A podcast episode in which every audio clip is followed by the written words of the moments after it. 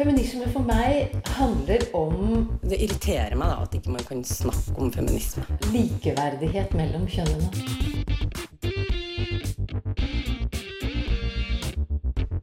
Det blikket på kvinnen på film. handlet det om å bli tatt på alvor som jente.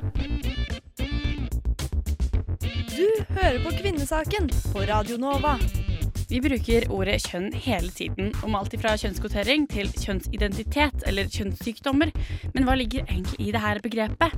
Hvordan har kjønn blitt oppfattet gjennom historien? Og hvilke muligheter har dem som ikke føler seg hjemme i det kjønnet de juridisk er tildelt?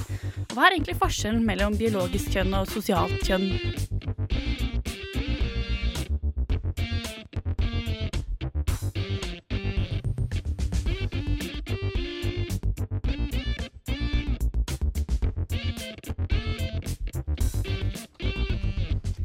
Det er eh, mandag igjen, og det betyr at du får en hel time med feministisk radio her på Radio Nova. Kvinnesaken er et eh, partipolitisk nøytralt program som prøver å finne ut hva feminisme kan være og innebære. Og i studio denne her januarmorgenen så hører du meg, Eline Hystad, sammen med Og meg, Lisa Aasbø. rett overfor meg her i eh, B-studio. Og tekniker er eh, Petter Pettersen. I dag skal vi snakke om eh, kjønn. Ja. Kjønn. Kjønn. Yes. Det er så masse som ligger i det, og det er så mye begreper og ord. Absolutt. Det er kjempekomplisert, og det er kjempesvært. Så jeg merker liksom, når jeg skulle lese om dette, så var det så utrolig mye at alt begynte bare å bli sånn der Helt sånn wow. Mm. Ja. Ja, og det her med også kjønnsidentitet, hva slags kjønn man identifiserer seg som. Ja, Der er det også ekstremt mange ord, syns jeg. Ja. Veldig mange begreper som er brukt, øh, og mange variasjoner Mm. over det her med å kanskje ikke, ikke være en mann eller kvinne, men et annet type kjønn. Vi skal jo snakke litt mer om det seinere også, Ja. om, øh, for det har jo kommet forslag om å opprette et tredje kjønn ja. for noe som ikke er uh, Ikke føler seg tilpass i noen Mm. av de to kjønnene. Det er sant. Det finnes veldig mange kategorier òg på seksualitet. da. At det finnes på en måte At du på en måte skal prøve å passe inn i en av de, men hvis man ikke gjør det, skal man liksom lage en for alle, liksom? Eller skal man lage helt til man finner ut av det, liksom? Eller Det er et spennende begrep å grave litt i. Jeg skal begynne med en låt som heter Dive. Jeg tror det er sånn man sier det, er det ikke det, Lisa? Det er bandet. Ja, Bandet. bandet Dive med Under the Sun er det. På onsdag så var jeg på eh, et arrangement på Deichman på Grünerløkka. Der ei som heter Kristin Fritun snakket om en bok som hun har skrevet, som heter 'Kjønn og ukjønn'. OK. Og det som hun gjør i den boka, da, er å finne ut hva etymologien til kjønn egentlig er. Hva er etymologi? Det er eh, ordhistorie, kan man si. Altså historien til et ord, eh, og hva det egentlig har betydd, da. OK. Og det syns jeg egentlig var en veldig forfriskende tilnærming til kjønn, da. For det blir jo ofte litt sånn kompliserte debatter om hva det er, og hva det kan bety, Mm. og hvordan vi Hvem vi er, ikke sant. Ja. Litt sånn lite håndfast. Ja. Så det var veldig spennende å se hvordan hun tok opp ordet og ordhistorien, rett og slett. Og det som hun forklarte, var at eh, på 1500-tallet så var det vanlig å bruke kjønn, eller kyn, da, som det skreves da, K-y-n, først og fremst som slekt. Eller Oi. typer. OK. Så man kunne f.eks. si det kjippeste i kynet, og det betyr noe sånn som at det ligger i kjønnet, altså slekta. At, uh, hvem du er, da. Så først og fremst med slekt og type. Men utover, da, så skjer det en vridning, sånn at det betyr, eller blir mer og mer sånn som kjønn, som vi forstår det i dag. Og på 1600-tallet så ser du f.eks. Eh, eksempler på det i Petter Dass sin diktning, og hun Doro- Dorote, sier man, Engelbrektsdatter. Mm. Men der bruker de først og fremst kvinnekjønn. Det er jo litt interessant. At, at de bruker det bare om kvinnene, på en måte. Mm. At Mm. mannen er ikke et kjønn, han er en liksom Mm. De Ja. brukte mannekjønn også, men det var gjerne oftest da som eh, kvinnekjønn at det ble brukt. OK. Eller kvinnelige kjønn. Åh. Og det her eh, fortsetter for så vidt utover 1700-tallet, men samtidig så må vi også huske på at kjønn er fortsatt da, likestilt med slekt. Så kjønn brukes fortsatt både om slekt, eh, gjerne en litt mer sånn eh, høytidelig versjon. Ja, men har du liksom noe eksempel på liksom hvordan, det ble, hvordan det ble brukt? Jeg klarer ikke helt å, at det blir brukt om slekt. Uh, man kan si sånn uh, Adams kjønn, liksom, i bibelsk uh, forstand. Ja. Altså at han var av Adams slekt. OK. I hvert fall sånn som de gjorde på 1700-tallet, da, når det var litt mer sånn opphøyd. Ja, så nå må man liksom bare viske ut alle slags mulige forestillinger man har om hvordan det brukes i dag, og så bare Mm. tenke at det Mm. betyr slekt. Ja, Ja, ok, for Det hadde ikke noen slekt. sammenheng med Eller litt sort, altså type, sånn som for eksempel eplekyn, da. Epletyper. Men det som skjer på 1800-tallet, er at det eksploderer med skrift og kilder, kanskje først og fremst. Sånn at eh, kjønn det brukes også på veldig mange forskjellige måter. Og, og det finnes f.eks. sånne populærvitenskapelige seksualhåndboker. Og der får man ord sånn som kjønnsdrift og kjønnsdeler og kjønnets naturlige sammenblanding. Som jeg tenker er mer sånn som vi bruker det i dag, da. mm.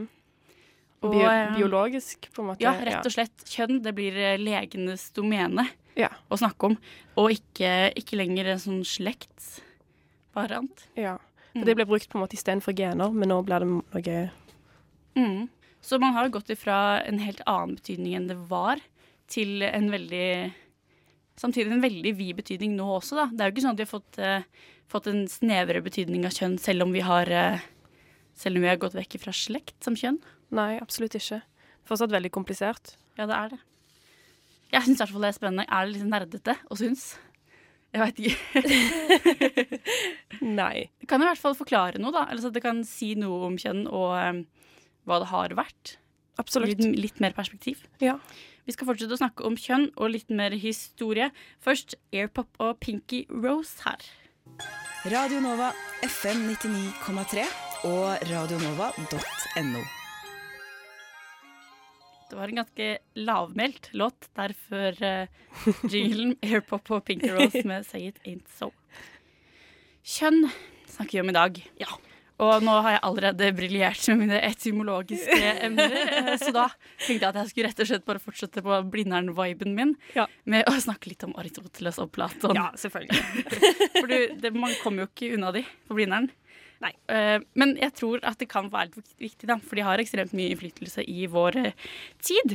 Og det er skikkelig spennende det her med kjønn og Aristoteles og Platon. Fordi det er rett og slett sånn at de har helt vidt forskjellig syn på kjønn.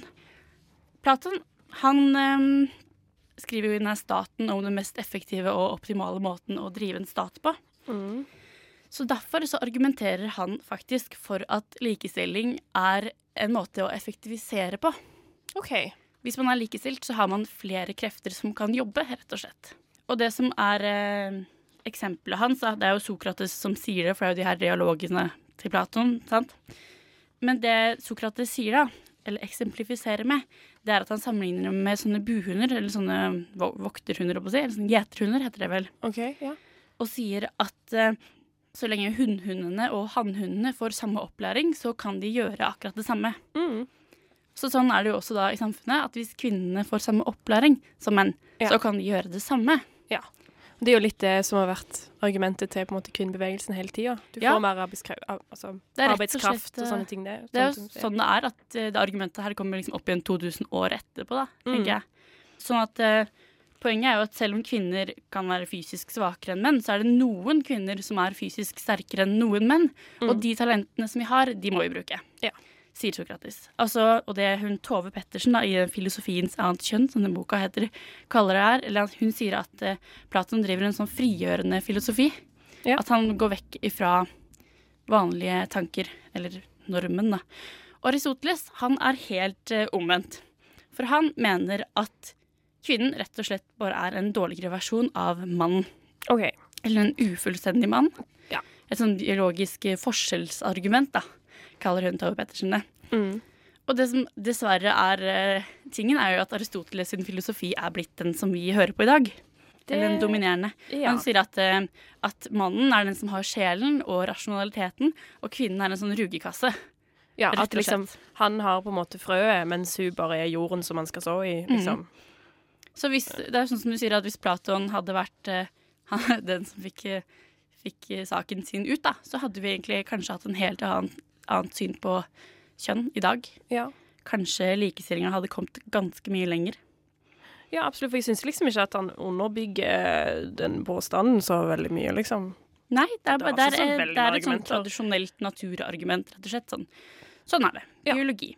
Eh, og mannen er sterkest. Og kvinnen er alt det som mannen Eller mangler alt det som mannen har, da, rett og slett. Ja, ikke sant? Man kan, se, si. ja, man kan jo se på det omvendt òg. Ja, man kan godt det, egentlig.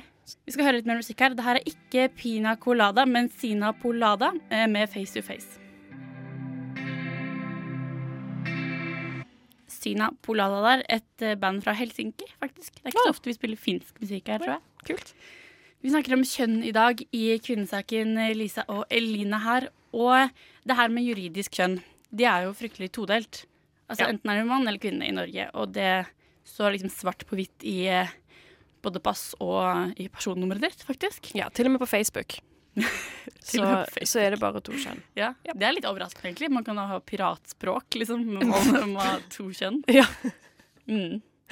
Men eh, jo, for jeg visste faktisk ikke at det var så ille som det er i Norge med dette her med juridisk kjønn. For det er jo sånn at eh, for å bytte kjønn, Mm. så må man først diagnostiseres som transseksuell. Og det er en psykisk, eh, psykisk diagnose. Det blir sett på som en uh, Lidelse, rett og slett. Ja. Mm. Mm. Det er det egentlig ganske få som får, da. Og deretter så må du operere deg, og så kan du bytte kjønn. Ja. Og da tenker jeg det er egentlig den tyng, tungste måten å gjøre det på, da. Istedenfor å kunne skifte kjønn før du opererer deg. Og han, eh, han eh, Bent Høie, helseminister, Ja. han har sagt at han lover en endring på det her, men at det kan skje med et knips. Og jeg skjønner jo det, for så vidt. Men eh, det blir jo spennende å se om det skjer noe. Og Amnesty også har vært veldig bekymra for, for sånn som Norge har gjort det nå. Eller Ja. Norge gjør det. At de mener at det er en veldig gammeldags måte å behandle, behandle transseksuelle på. Ja. Det er veldig sant. For de tenker, hvor mye, skal, hvor mye har det å si, liksom? Ja. Altså, hvor mye har det å si om, om at det skal være så utrolig, utrolig på en måte formelt, at det skal være så utrolig alvorlig, på en måte. At om du registrerer deg som mann eller kvinne. Vi har funnet et lite klipp her fra Luca. Han, er- han heter Luca eh, Espseth, og Ja. dette er fra dokumentaren 'Mann uten penis' på NRK fra 2013. Hvordan dette her er. Du har jo gått gjennom en prosess for å få et mer mannlig kjønnsuttrykk. Er du 100% mann nå, eller er det noe du savner som mann? Jeg føler meg 100% som mann, men uh, juridisk så er jeg fortsatt kvinne. Juridisk, hvordan det? Nei, altså, I passet mitt og personnummeret mitt så står det at jeg er en dame. Det står F for female, pluss at det tredje siste sifferet i personnummeret mitt er et partall. Og det betyr at du er dame? Det betyr at jeg er født med eggstokker. Hvordan eh, skal du få endra til å bli juridisk mann, da? Eh, altså, I Norge så finnes det eh, to juridiske kjønn. Du er enten kvinne eller mann. Eh, og for å endre fra en kategori til en annen, så må du kastrere deg. Så du må få deg pikk for å bli juridisk mann? Eh, nei, det må jeg ikke. Jeg må bare ikke ha eggstokker. Det er drit i hvordan tissen min ser ut. Det er bare viktig for dem at jeg ikke har evne til reproduksjon. Du må bli steril, da. Ja. Hvordan stopper det deg å være kvinne i passet? Nei, altså, det stopper meg jo i passkontroller, hvor jeg ser ut som en mann og har eh, feil kjønn i passet. Ellers er det jo Det er slitsomt i, veldig mange settinger. Hvis jeg ringer banken for så kommer det opp på skjermen at jeg er en dame, og det stemmer veldig dårlig overens med den stemmen de hører. Eh, sånn at for meg så er det vanskelig å få sperra bankkort over telefonen, for eksempel. Og så er det jo det er jo stress hvis du møter på jobbintervju og sånn, og du, sjefen eller din potensielle arbeidsgiver forventer at det skal komme en dame, og så kommer det en fyr, og så må du kanskje forklare deg. Det finnes ingen grunn for det her. Det er bare noen som har bestemt seg for at folk kan ikke ha eggstokker være mann samtidig. Ja, har vi et for svart-hvitt system, mann eller kvinne, i Norge? Ja, helt klart. Det er eh, kjempebegrensende for mennesker som ikke passer 100% inn i den kategorien de fikk tildelt ved fødsel. Liksom. Det var Luca om, sitt, eh, om problemene med å passe inn i de to juridiske kjønnskategoriene. Om hvor vanskelig det er å bytte, rett og slett. Ja. Vi får håpe at det skjer en endring.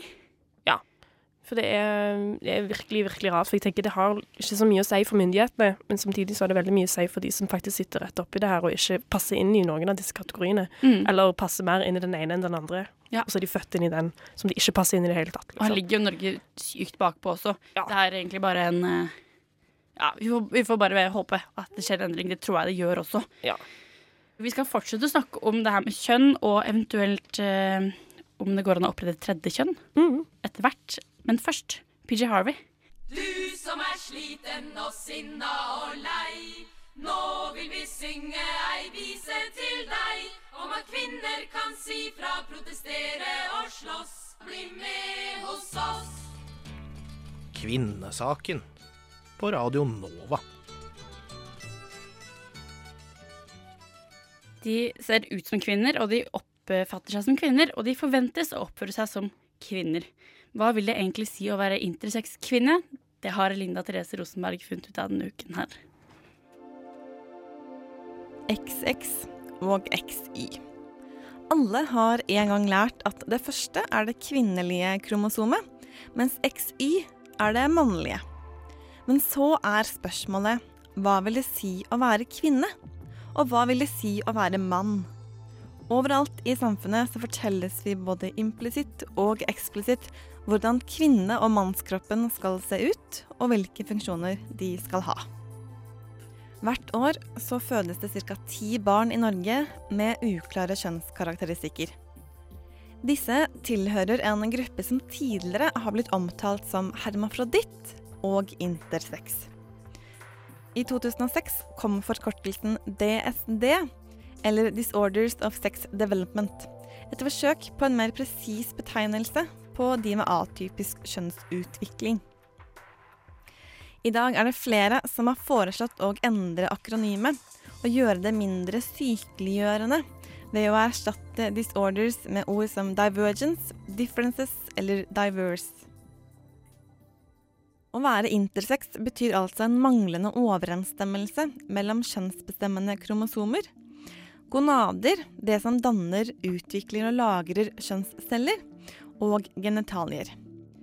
Intersex utfordrer eh, dermed det heteronormative perspektivet på hva en kvinne er, og hvordan hun skal se ut. Og det er det mange intersex-kvinner som syns er vanskelig. De fleste oppdager at de er intersex når de er i tenårene. Det er knyttet til hvordan intersex utarter seg, som kan være litt forskjellig.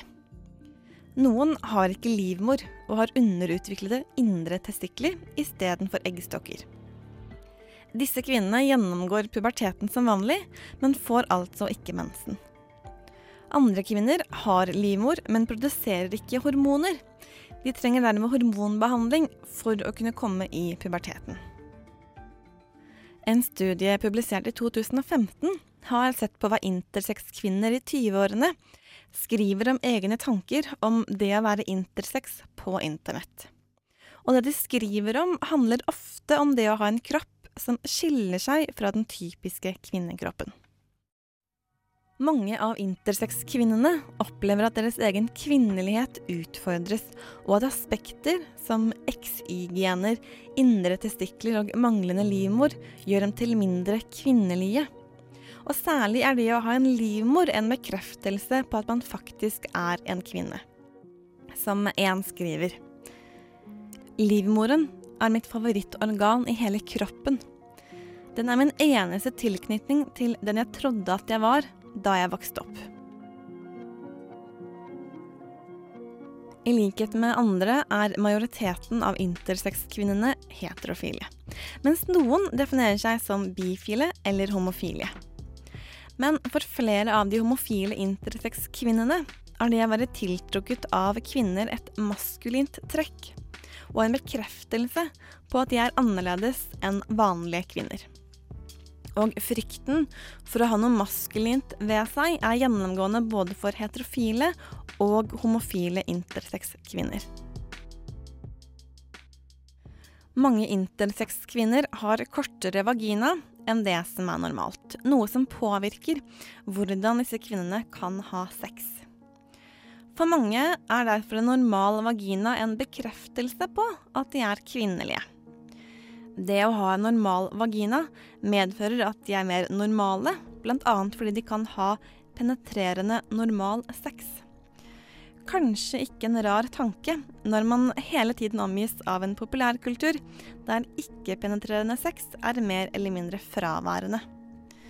Og denne søkingen etter å være normal gjør at flere intersex-kvinner gjennomfører kjønnskorrigerende operasjoner. Problemet er at slike valg er med på å opprettholde synet på interseksualitet som unormalt, og at det rådende synet på kvinnen og det kvinnelige er det eneste riktige. Et syn som særlig intersex-aktivister opponerer mot. For aktivistene handler det om å godta seg selv som kvinne, slik man er, og ikke endre kroppen for å tilfredsstille et ideal bestemt av samfunnet, og ikke naturen.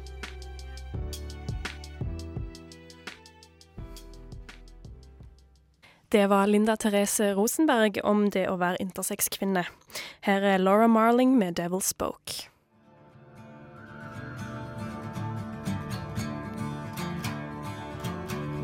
Det var Laura Marling der. Og vi snakker om kjønn i kvinnesaken i dag. Og man kunne jo tenke seg at en løsning For nå har vi snakka om både med intersex og eh, altså en biologisk tokjønnhet, rett og slett. Ja. Og eh, det her med transseksuelle. Mm, juridisk kjønn. Ja, juridisk kjønn. Mhm. Så man kan jo tenke seg at en løsning er å opprette et tredje kjønn. Ja. At hvis du ikke passer inn i de to kategoriene, så er det et tredje. Ja. Sånn for å eh, liksom eh, få fram litt eh, forskjellige synspunkter i den debatten der, så har jeg saksa et lite klipp fra en debatt som Ukeslutt hadde. Det er ganske lenge siden. da. Det er fra Mm. november 2011. Ja. Når det var litt sånn hett i Norge. Men Det her er i hvert fall Bård Nylund, som er leder for Landsforeningen for lesbiske, homofile, bifile og transpersoner, og informasjonsleder i Norsk Luthersk Misjonssamband, Espen Ottosen, som eh, diskuterer her. Espen Ottosen, du er informasjonsleder i Misjonssambandet. Hva synes du om forslaget fra Nylund og LLH? Ja, dette er jo ikke et tema som, eh, som jeg vet veldig mye om, og som, eh, som er noe av det jeg engasjerer meg sterkest i. Jeg ser jo, hører jo også ut fra reportasjen at dette er en krevende situasjon, helt sikkert eh, for eh, mennesker. Eh, Og jeg tenker at det er viktig at vi som samfunn eh, viser respekt eh, overfor det mangfoldet som, som fins. Eh, Men det å si at det fins et tredje kjønn, og gjøre dette til en sak om hvordan du eh, presenterer deg i et pass, det syns jeg eh, virker rett og slett litt urimelig. For jeg tenker at eh, enten er man jo en mann, eller så er man en kvinne. Nylund, er det ikke såpass enkelt da, at det er eh, kjønnsorganet ditt eh, som eh, avgjør hvilket kjønn du tilhører? Hadde det vært så enkelt, tenker jeg, så hadde nok alle vært ganske fornøyd. Jeg hører Ottosen sier at, det, at verden ser sånn ut at enten er man mann eller kvinne. Det er altså feil. Det er ikke sånn at man enten er mann eller kvinne. Vi har en rekke mennesker hvert eneste år som blir kjøtt, født med udefinerbare kjønnskarakteristikker, f.eks. De vi i Norge har kalt tvekjønna. Og vi har en rekke mennesker som eh, opplever at de er født i en kropp som overhodet ikke stemmer overens med den identiteten de har. Det var et lite klipp fra en debatt i Ukeslutt i NRK. Det, her altså. det kan jo gi litt sånn konturene av eh, hva en debatt rundt og eventuelt opprette tredje kjønn går på, da. Det er faktisk ganske mange land som allerede har eh, innført et tredje kjønn. Ja. Overraskende mange.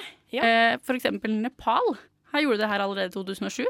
Kanskje ikke et land som man Ja. skulle tro har gjort det. Var, det, var, de, var de først ut, eller syns jeg hørte noe om at de var, det var de som var de Jeg lurer på det. Jeg er litt usikker. Ja. Og så har også Tyskland, eh, sammen med Australia og New Zealand, en sånn mulighet for at man kan registrere seg som eh, indeterminate sex på Mm. som kan løse en del av det her problematiske. Mm.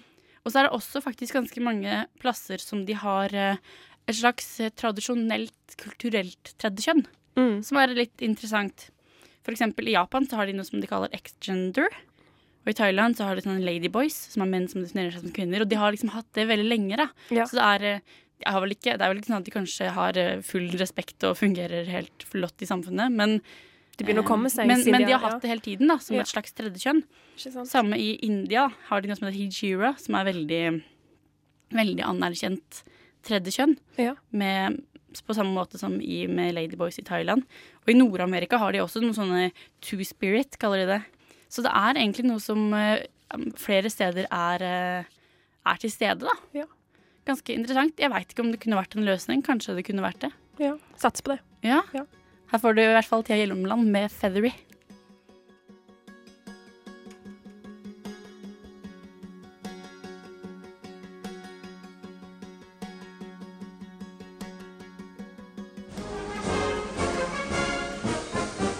Tenk på da vi gikk i demonstrasjonstog, og Ingrid på seks år gikk med plakat hvor det sto 'Jeg vil bli statsminister'. Og alle mennesker lo langs ruta for at en jente skulle kunne bli statsminister. Du hører på Kvinnesaken på Radio Nova. Skjønn er jo ikke bare skjønn. Du kan dele det inn i to. Du har biologisk skjønn og sosialt skjønn. Så det biologiske skjønn, det er på en måte ren fysikk. Det handler om hvilke, hvilke kjønnskromosoner du er født med. Kromosomer. ja. Eh, X6, X7, er det det? Ja. ja, stemmer det. Mens det sosialt, sosiale kjønnet, det er vel eh, sosiale og kulturelle forhold som på en måte er Som bygger opp om visse forestillinger. Hvilke forventninger du har til hvordan Altså, hva vil det si å være mann og kvinne? Det er på en måte det samfunnet har bestemt. Hva som ligger i det å være mann eller kvinne. Så i noen språk så har de jo den delinga her i, i språket, sånn som i England. Eller engelsk. Gender og sex. Ja, stemmer det. Men vi har det ikke. Vi har bare kjønn. Ja. Eh, og det er en kanskje ganske viktig, viktig deling, da, tenker jeg, da, eh, på det engelske språket. Der sex er biologisk kjønn, og gender er sosialt kjønn. Mm. For det er jo to ganske viktige skiller. Så tenker jeg kanskje at, eh, at man gjerne har overført på en måte eh, egenskaper fra det sosiale til det, til det biologiske, da. Eh, At, som at gjør- egentlig ikke er så reelt som vi tror. Det er ikke så reint, på en måte. Nei, iallfall ikke så rent som det burde være. Nei. Eh, at du gjerne tenker at Man sier jo ofte sånn at ja, men en, en jente er sånn, en gutt er sånn. En jente leker jo med dukker, en, en gutt gjør jo det og det og er jo aggressiv, ikke sant. Når det ikke nødvendigvis trenger å være sånn. Det kan være opplært. Men Ja. det, det er ikke det man tror, og det, derfor blir det gjerne vanskelig å overbevise folk om at hei, du, dette her er noe vi må forandre, vi må gjerne forandre hvordan vi oppdrar, bla, bla, bla, bla. Men så, så går man rundt og tenker at dette er noe som er biologisk. Sverige har faktisk innført det som et sånt skille mellom ja. de genus og kjønn, eller noe sånt. U, litt i, i rusten på svensken. Så, altså, som et slags stand, standpunkt, da. Mm. Men jeg er helt enig med deg at det kan, eh, kan være vanskelig i de overgangene der. Hva er det egentlig som er hva? Mm. Er det sånn at du kan si at ja, kvinner er omsorgsfulle, for det er biologisk. Ja, Men at de går med rosa, det er sosialt. Altså, Ja. Det er litt vanskelig overgangen der, sjøl om jeg kan også skjønne at det blir ryddigere. Det er akkurat det. Jeg vet ikke helt. Nei. Men det kan i hvert fall være med på å vise noen liksom, viktige skiller da, i kjønn. Vi skal fortsette å snakke litt om kjønn og hva som egentlig gjør, gjør oss til det vi er. Men eh, først, de her er britiske, så jeg vet ikke helt om det er riktig å si venn eller Jo, det blir vel kanskje det. Real blood.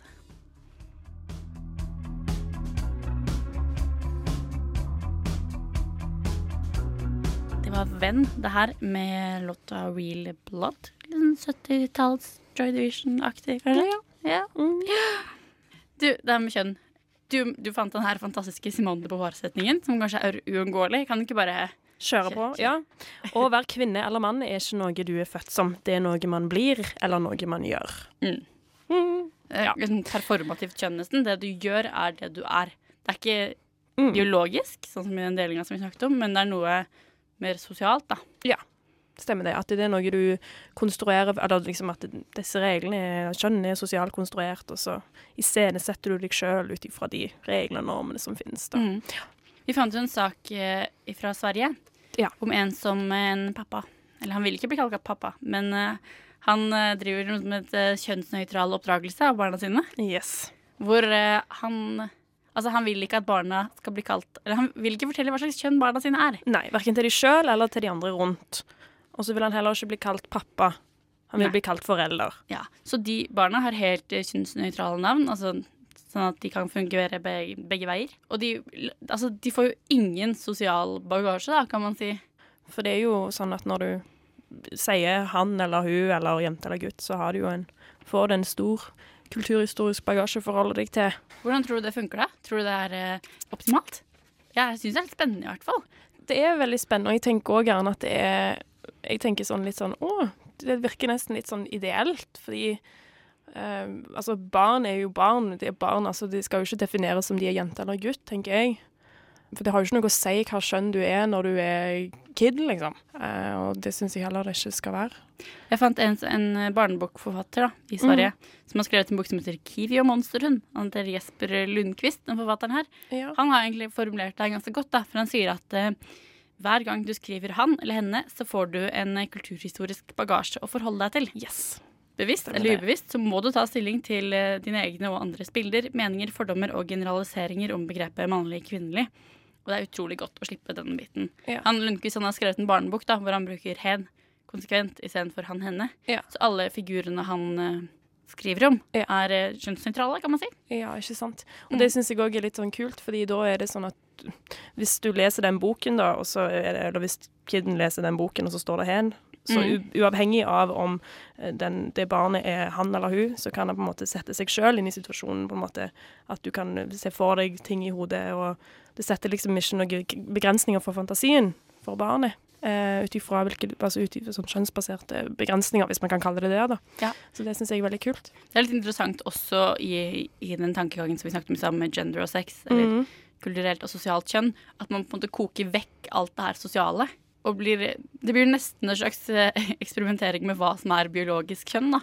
Ja, det er sant. Hva som egentlig er igjen når man tar vekk eh, alt det sosiale som legges på kjønn. Ja. Definis definisjonen av kjønn. Kanskje en interessant løsning. Vi nærmer oss ganske slutten her nå, eh, men vi skal ha litt musikk før vi er helt på slutt. Det her er Mathias Stube Band og Soon a Brighter Day.